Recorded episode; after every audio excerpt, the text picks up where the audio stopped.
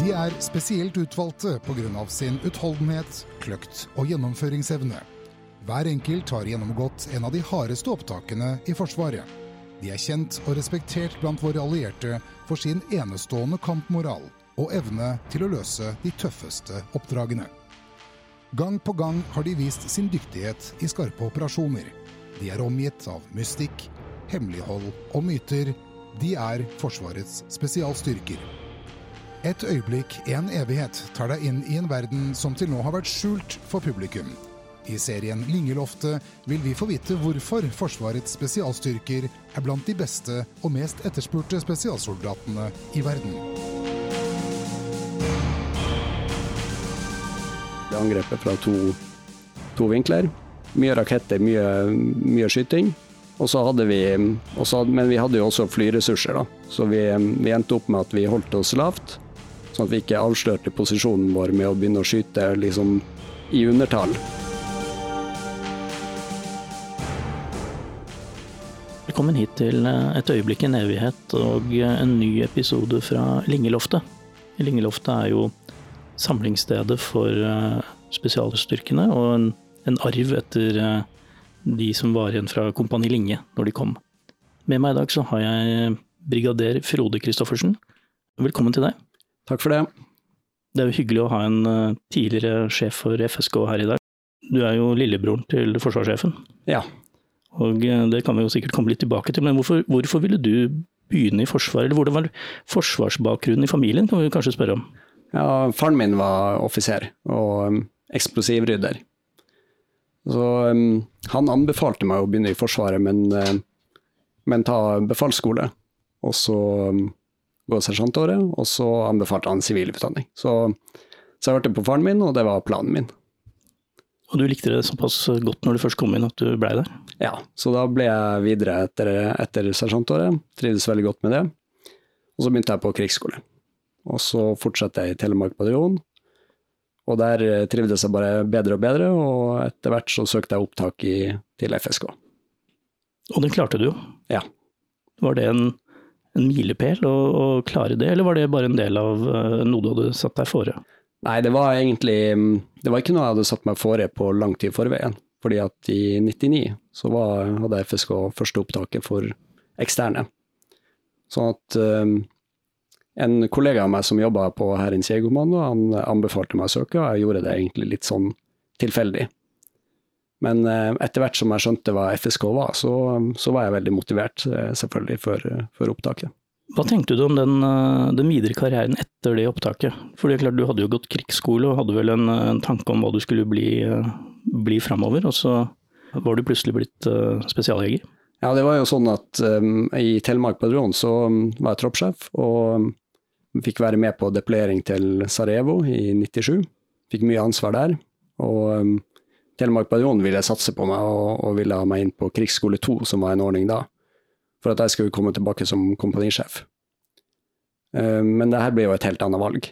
Så, eh, og da var, da, var det, da var, det, det jeg satsa på. Altså jeg satsa på å være spesialjeger, og, og hadde ikke noe karriereplan eh, egentlig utover det. Nå ble jo FSK sendt til Afghanistan veldig tidlig. Kom det brått på, for å si sånn, for dere som var der?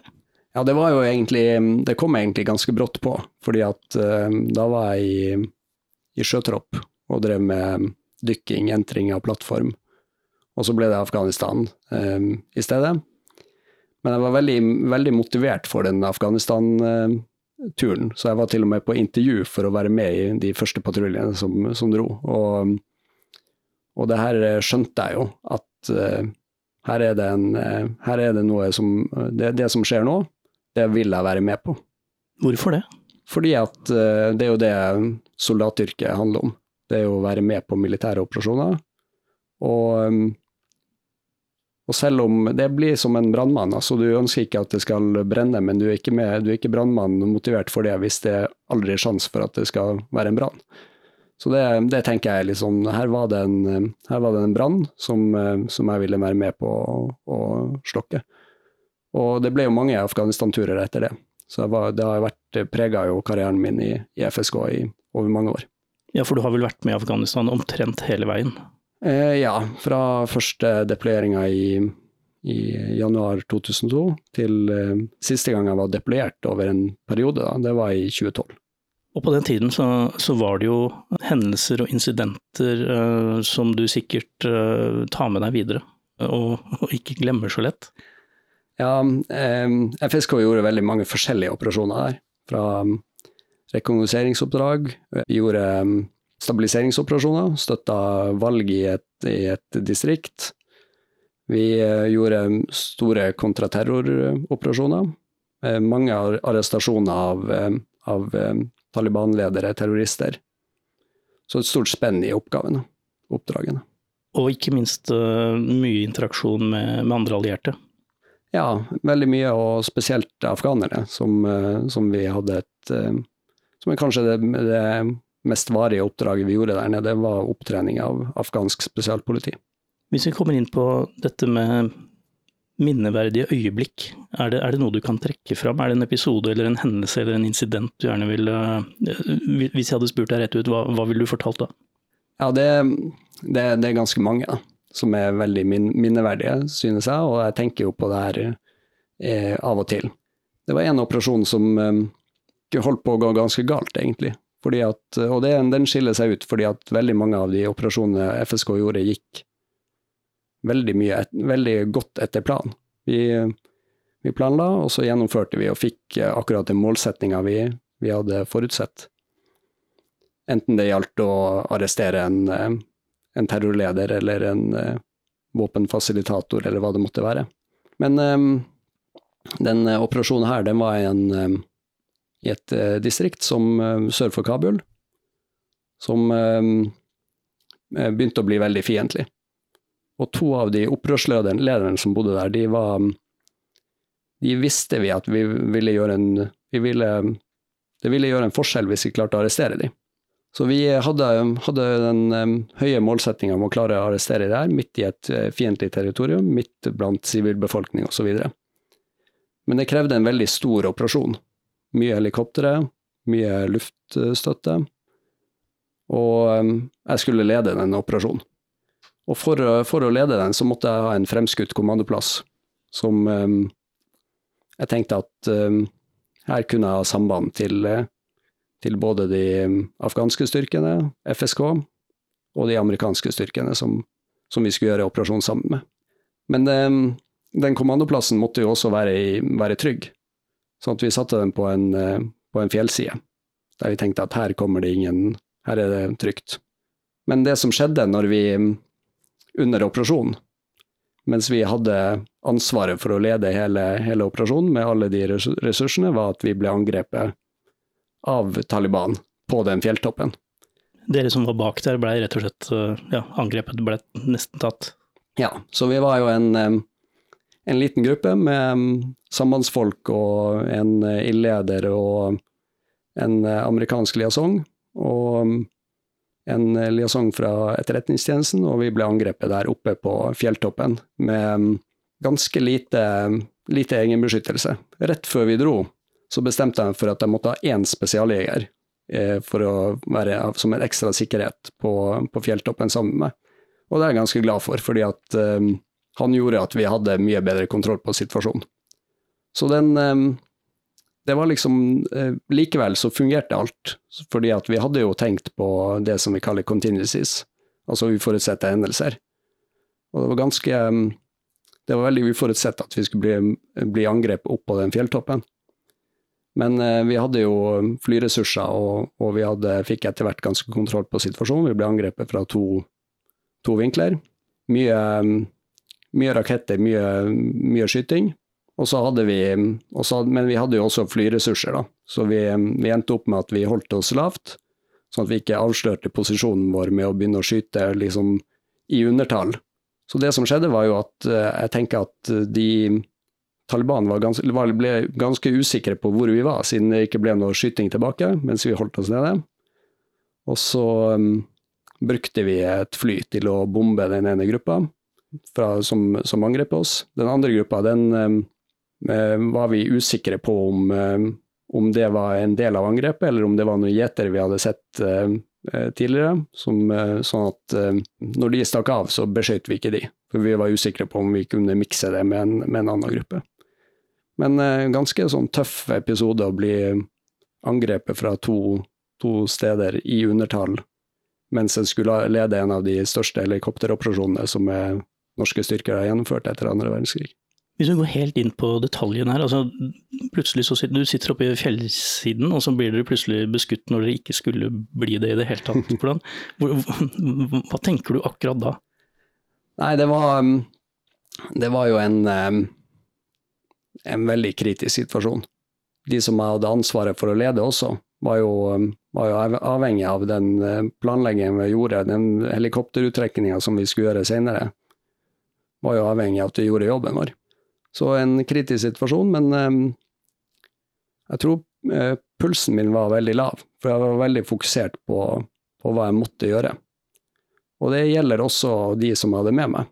Sånn at uh, sambandsmannen, eh, flylederen, de som ikke var spesialleger òg, var veldig fokusert på oppgaven. Og det er vel egentlig det som imponerte meg mest i den, i den situasjonen der. Hvordan vi klarte oss å gjøre det her veldig kontrollert, og fortsette å jobbe også etter at vi hadde blitt angrepet. Vi, det var jo det som var målsettinga vår hele veien, vi skulle fortsette å gjøre jobben vår. For operasjonen pågikk jo mens dere var i strid? Ja. Og så, når um, vi hadde når vi hadde fått uh, bomba den ene gruppa, da, som, jeg, som, jeg, nevnte, så fortsatte vi å gjøre jobben vår med å få inn helikoptrene for uttrekning av, av hele operasjonen. Og, og det her um, Alt gikk eh, etter planen, bortsett fra at vi hadde, Jeg hadde ikke sett for meg at vi skulle kunne bli angrepet på den fjelltoppen. Så operasjonen ble jo vellykka i andre enden? Ja.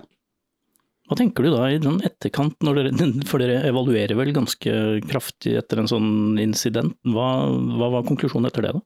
Vi, jeg mener jo at uh, jeg gjorde en tydelig feilvurdering på at vi kunne Altså jeg var ganske sikker på at vi ikke kunne bli angrepet på den toppen her, men men jeg hadde jo også Vi håndterte det jo såpass bra, da, at, eh, at vi kan jo si at eh, vi gjennom det å sette inn den ekstra spesialjegeren som en sik sikring på eh, kommandoplassen, det at vi hadde riktige folka med oss, gjorde jo at vi var jo, vi var jo forberedt på det også. Og så um, har vi jo sett tidligere på um, i Afghanistan at vi flere ganger har, har liksom uh, undervurdert uh, Taliban sin, sin, evne til å gå i fjell. Fordi at uansett hvor, uh, hvor vanskelig terreng det er og hvor bratt det er, så, så har vi jo støtt på folk i, rundt omkring fra, helt fra 2002 fram til det her var vel i ja, 2008, tenker jeg. Mm. Du sa undertall, hva betyr det? Dere var jo ikke veldig mange, men hvor mange var på det, og, hvor nærme var de når, du, når dette skjedde? Ja, vi ble angrepet fra to sider på ca. 100 meter fra hver, hver kant. Og, og, vi var vel Vi ble angrepet av ca. tolv, og vi var fem-seks. Egentlig ganske stort undertall hvis man ser på tallene, og 100 meter er jo det vi vil kalle ganske intimt, da. Ja, de, de her RPG-ene, de rakettene som de skjøt, de, de smalt, smalt, veldig, altså, rundt oss. Men der vi lå, så lå vi, lå vi flatt og ganske trygt. Vi hadde jo valgt det stedet med, med omhu, sånn at vi, vi, lå jo Det var mulig også, det var ikke noe direkte mulighet til å beskytte oss direkte. Det var det ikke. Sånn i ettertid på andre operasjoner du da har vært med på etterpå, har du liksom tatt med dette videre og tenkt at uh, nå gjelder det å, å, å planlegge for, uh, for, dette også? Ja, Eh, FSK er veldig nøye i planlegginga si, så en tenker alltid hva hvis, hva, og går gjennom hva kan, hva kan gå galt i forhold til planen. Fordi at eh, jo flere alternativer du har tenkt på, jo, jo bedre forberedt er jo bedre sjanse har du til å vinne. Jeg tenker at jeg har gjort den feilen et, eh, et par ganger, egentlig, med å, med å liksom egen, Egensikringa på kommandoplassen er veldig viktig, og det er noe som noe som jeg har lært etter hvert på det å ha blitt angrepet på akkurat kommandoplassen, som er kanskje det, det svakeste leddet i en, i en operasjon. Men en, en, kan jo aldri bli hva skal jeg si, Det du spør om er jo egentlig erfaringen, hvor mye har de hatt å si for senere jobb. Vi er, vi er ganske gode på planlegging, og FSK er veldig gode på det, men eh, perfekt blir det aldri. En må lage, lage en plan på den, det grunnlaget en har, og gjøre, ta, en, ta en del kalkulerte risikoer. Eh, det som er imponerende med det som jeg kommer til å huske for livet av den eh, episoden, det er jo liksom det samarbeidet, det samholdet som er i avdelinga. Egentlig fra alle operasjonene. Hvor en har et oppdrag, så er det alle går inn for å gjøre opp, opp, oppgaven sin 100% og uten, med relativt lite oppfølging. Så når en får når FSK starter planlegging, så, så skjer det veldig mye parallelt som, eh, som, ikke, som krever veldig lite koordinering. Eh, eller krever lite instrukser for at det skal skje. Da. Og det er veldig imponerende. Er det sånn at uh, fokuset for deg som leder hele tiden er foran der det skjer? Uh, at du lett ikke tar med deg risikoen som du selv er i? Ja, det, har, jeg syns det er et godt poeng du har der, da. Det er jo et eh, lederansvar å, å, å tenke på alle. Og da, da, kan det fort være at en, eh, at en fokuserer framover på det man anser er det, liksom det mest risikofylte delen av oppdraget. Men um, i 2012, under et sånn større, større terrorangrep på, på Kabul, så, så hadde, var egentlig utgangspunktet mitt at jeg skulle fram og lede fra front. Da ble vi også angrepet i den uh, leiren vi, der vi holdt til. Mens oppdraget vårt var å rykke ut og så slå ned de, de terrorangrepene som var, skjedde på tre steder samtidig i Kabul. Men da valgte jeg å bli igjen i, i leiren. Vi, var under angrep, og vi leda operasjonen derfra, da. Og det var en fornuftig avgjørelse fordi at eh, rapporteringa til ISAF, eh, Natos spesialstyrkehovedkvarteret, var viktig, og vi uh, kunne også etterforsyne de styrkene vi hadde framme, best fra, fra, det stedet vi var på. Du oppdager at du er under ild. Hvordan kjennes det? Jeg har jo en Det her var jo ikke første gang jeg ble, ble skutt på. Men uh, han uh, sambandsmannen som hadde med, han hadde, han hadde, tenkt en del på det. For vært, uh, det var første gang han var med FSK ut på operasjoner. Eller en av de første gangene. Han har i hvert fall ikke vært i en skuddveksling før.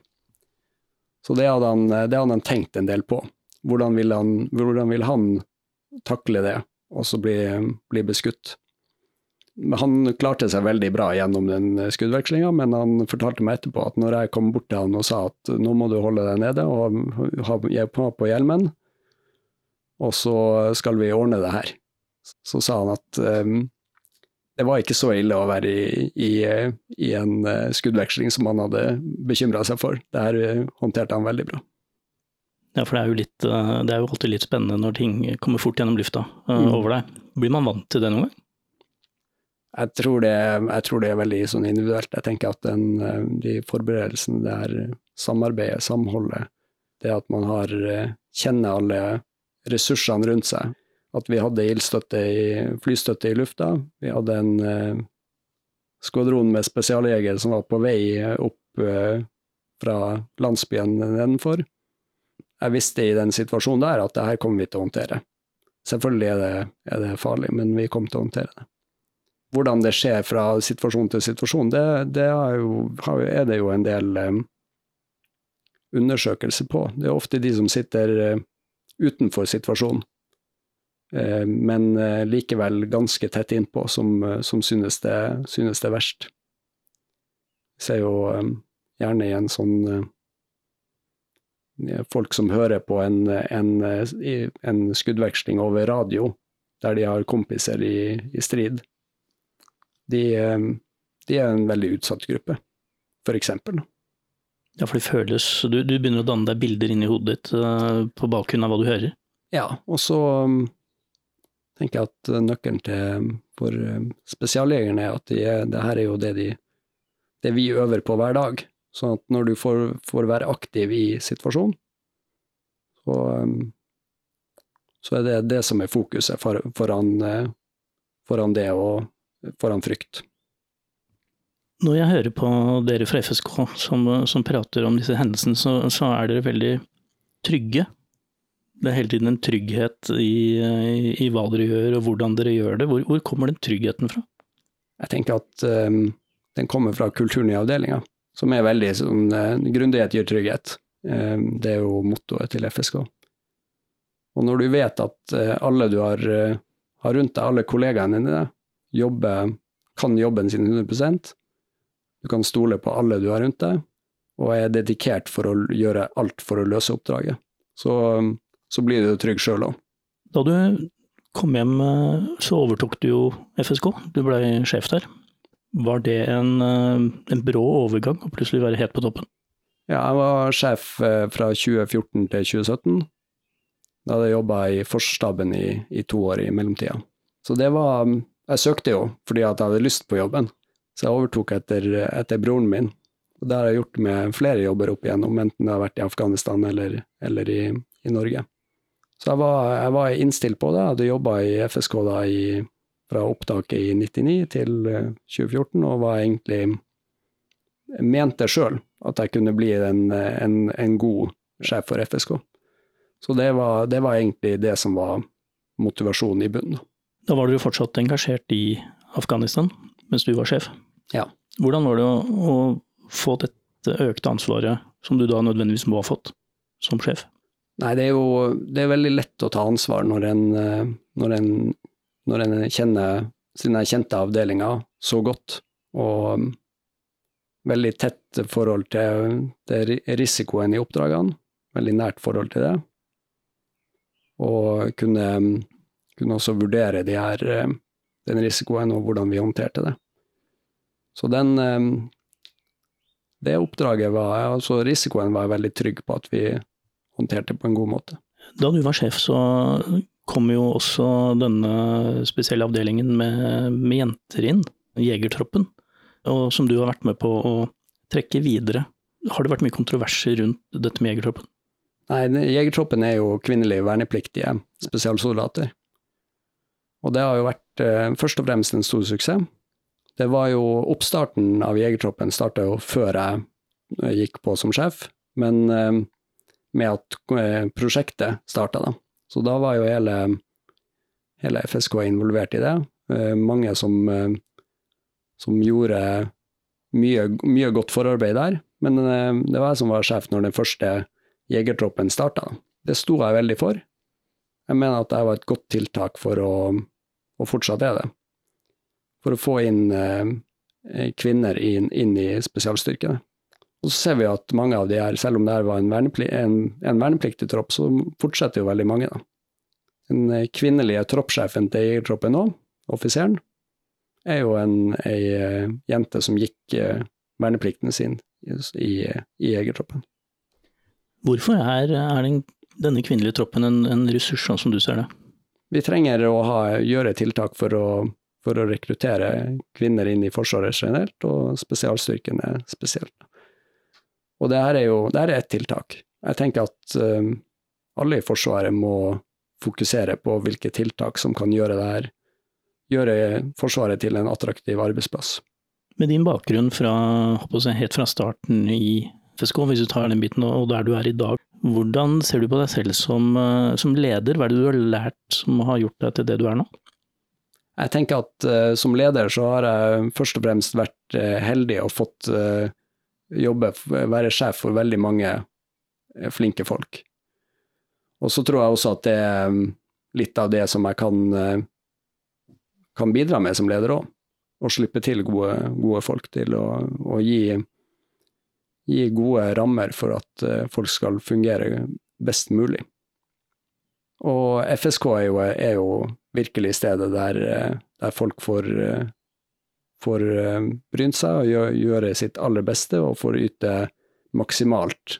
Ta det ansvaret som de, som de klarer å ta.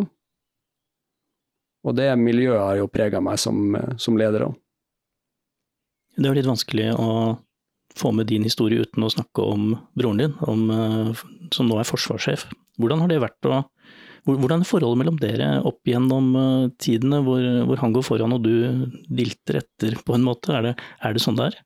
Ikke helt uh, som jeg føler det, men uh, han, uh, han, har jo han har gjort mak maks ut av karrieren sin, da. Så jeg har sagt til han at hvis det skal bli noen flere generalstjerner i familien, så er det jo jeg som må stå for det. For han har jo fått fire. Det finnes jo ikke flere. Men um, vi tok uh, opptaket til uh, Forsvarets spesialkommando samtidig, i 1999. Og um, etter det så har vi jobba mye og tett sammen. Og vi er, så vi har jo et, uh, har et veldig nært forhold. Og så er det også veldig profesjonelt, for vi er, vi er vant til at vi, at vi, jobber sammen som kollegaer, selv om vi er også er brødre. På lik linje med, med, mange andre så har jeg lært veldig mye av han, og uh, jeg håper og tror at han har lært mye av meg. I et tidligere intervju så sa jo Eirik Kristoffersen at han ikke ville nølt med å sende deg ut på et, uh, et eller annet farlig oppdrag hvis det var nødvendig. Forventer du noe særbehandling fra, fra storebror? Nei, jeg er helt sikker på at jeg ikke har fått noe særbehandling, det er, det er, jeg sikker på. Han har jo vært sjefen min flere ganger, og han um, er jo veldig trygg på hva jeg kan også. Så, um, så, det at han kjenner meg så godt, så har vel egentlig gjort at han har uh, ofte gitt meg vel så krevende oppdrag som, som andre. Litt tilbake til uh, tiden din i Afghanistan. Var du redd noen gang?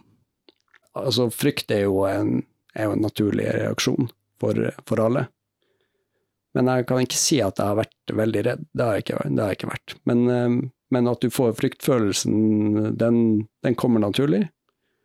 Og så gjelder det å håndtere den. Og jeg tror at det fokuset som, eh, som jeg har hatt på oppdragsløsning, har gjort at jeg har håndtert den frykten godt. Selv ikke da du blir eh, overrumpla av en fjellskråning i Afghanistan? Nei, jeg hadde, jeg hadde ganske lav puls, da. Det hadde jeg. Og her var det veldig fokusert på å løse det oppdraget. Hva med omsorgen for, eh, for, de andre, for de du har under deg? Har du noen gang tenkt på at uh, hva hvis? Ja, det er jo det, det som kanskje er den uh, største redselen, da. Det, det er alle en har ansvar for. Har en gjort nok for å redusere risikoen? Og så er det jo, tenker jeg at utrolig viktig som, eh, som både for soldater og offiserer, for avdelinger. Og så snakke sammen om eh, hva er det vi, er det vi Hvordan løser vi operasjoner, da? Fordi at en kan jo ikke gjennomføre militære operasjoner uten risiko. Tenker du på hjemme noen gang? Når du er ute, altså er, det, er, hjemme et eh, abstrakt sted, eller er det et konkret sted som du kan forholde deg til? Nei, jeg ga jo rådet til folkene som jeg var sjef for også, at før de tar en telefon hjem, så bør de kanskje tenke litt over om de har noen ting de kan fortelle.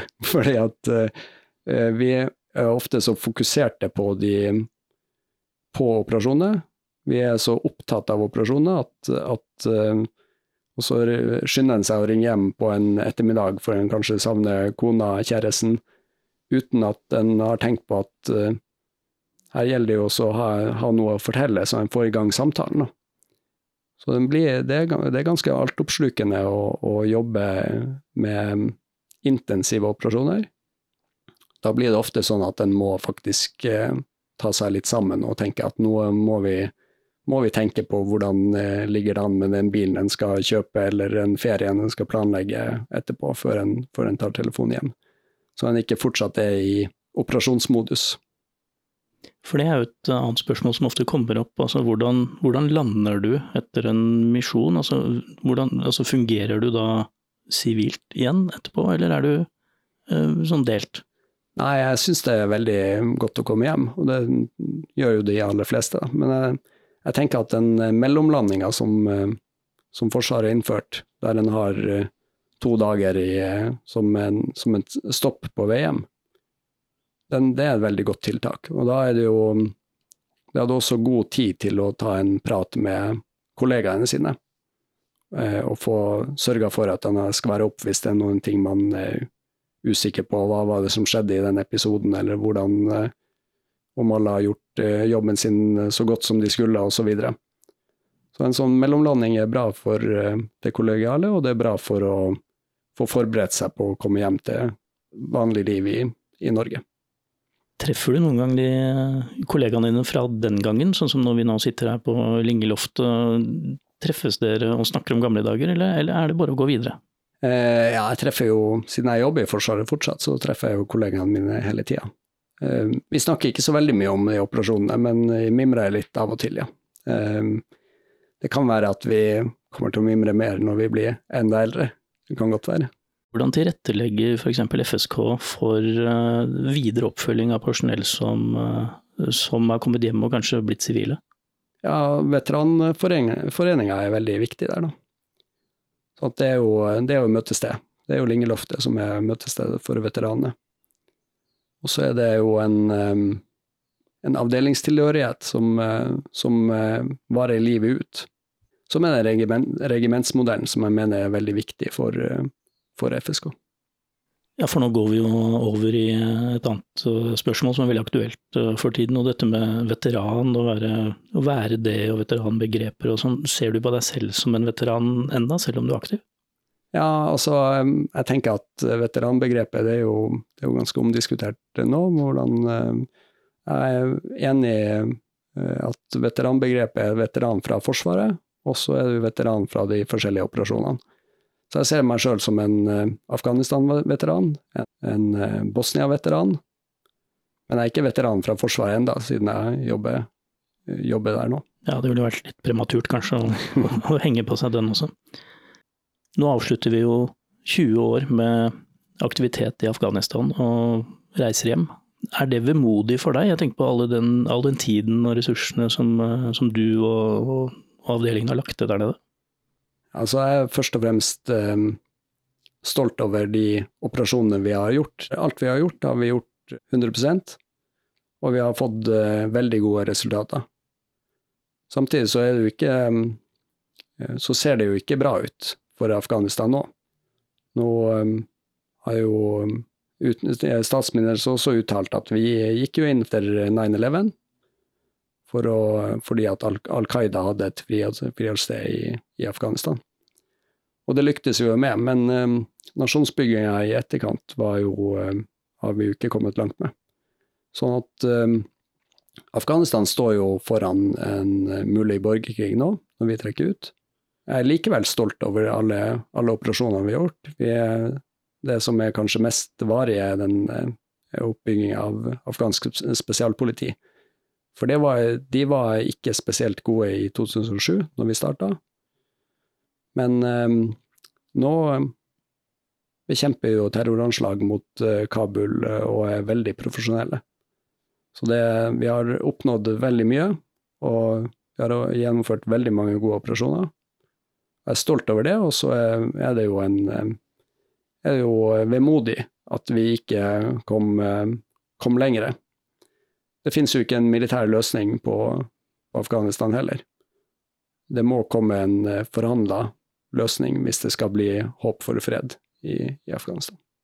Hvis vi ser på alt, alt det vi har lagt ned der nede, og våre som har mista livet og har kommet hjem eh, kanskje med skader, eller ikke kanskje, som har kommet hjem skada og med etter hvert kanskje senskader, vil du si at den operasjonen er verdt det?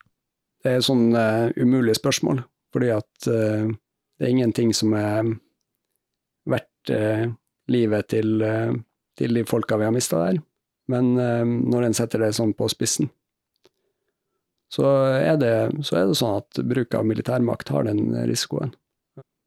Og, så jeg, jeg vil, ikke, vil, ikke, svare på det spørsmålet om det er verdt det, fordi at det var helt Det som jeg er helt sikker på, det var at det var riktig å gå inn i Afghanistan i 2001, etter 9-11. Fordi at det var en situasjon som, eh, som verden ikke kunne leve med. Dette er en av mange unike historier om selvoppofrelse og mot fra våre soldater. Her lar vi soldatene selv fortelle om de intense øyeblikkene, akkurat slik de opplevde det. Historier som rett og slett er blitt et øyeblikk, en evighet.